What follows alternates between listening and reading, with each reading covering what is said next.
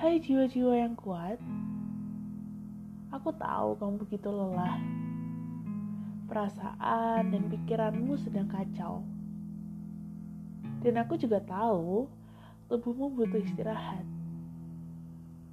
Dan mungkin saja dadamu juga sesak menahan tangis yang ingin pecah. Tidak apa-apa.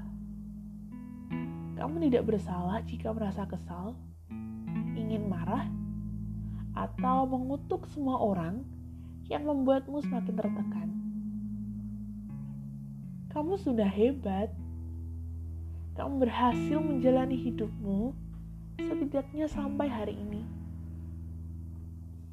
Sekarang, masuklah ke dalam kamar. Tarik selimutmu sampai dada dan ucapkan syukur kepada Tuhan karena sudah memberimu kekuatan berdoa kepadanya untuk tetap dikokohkan meski kehidupan selalu memberimu luka dan hancur berkali-kali. Tidak apa-apa. Angkat kepalamu lagi. Berjuanglah satu kali lagi.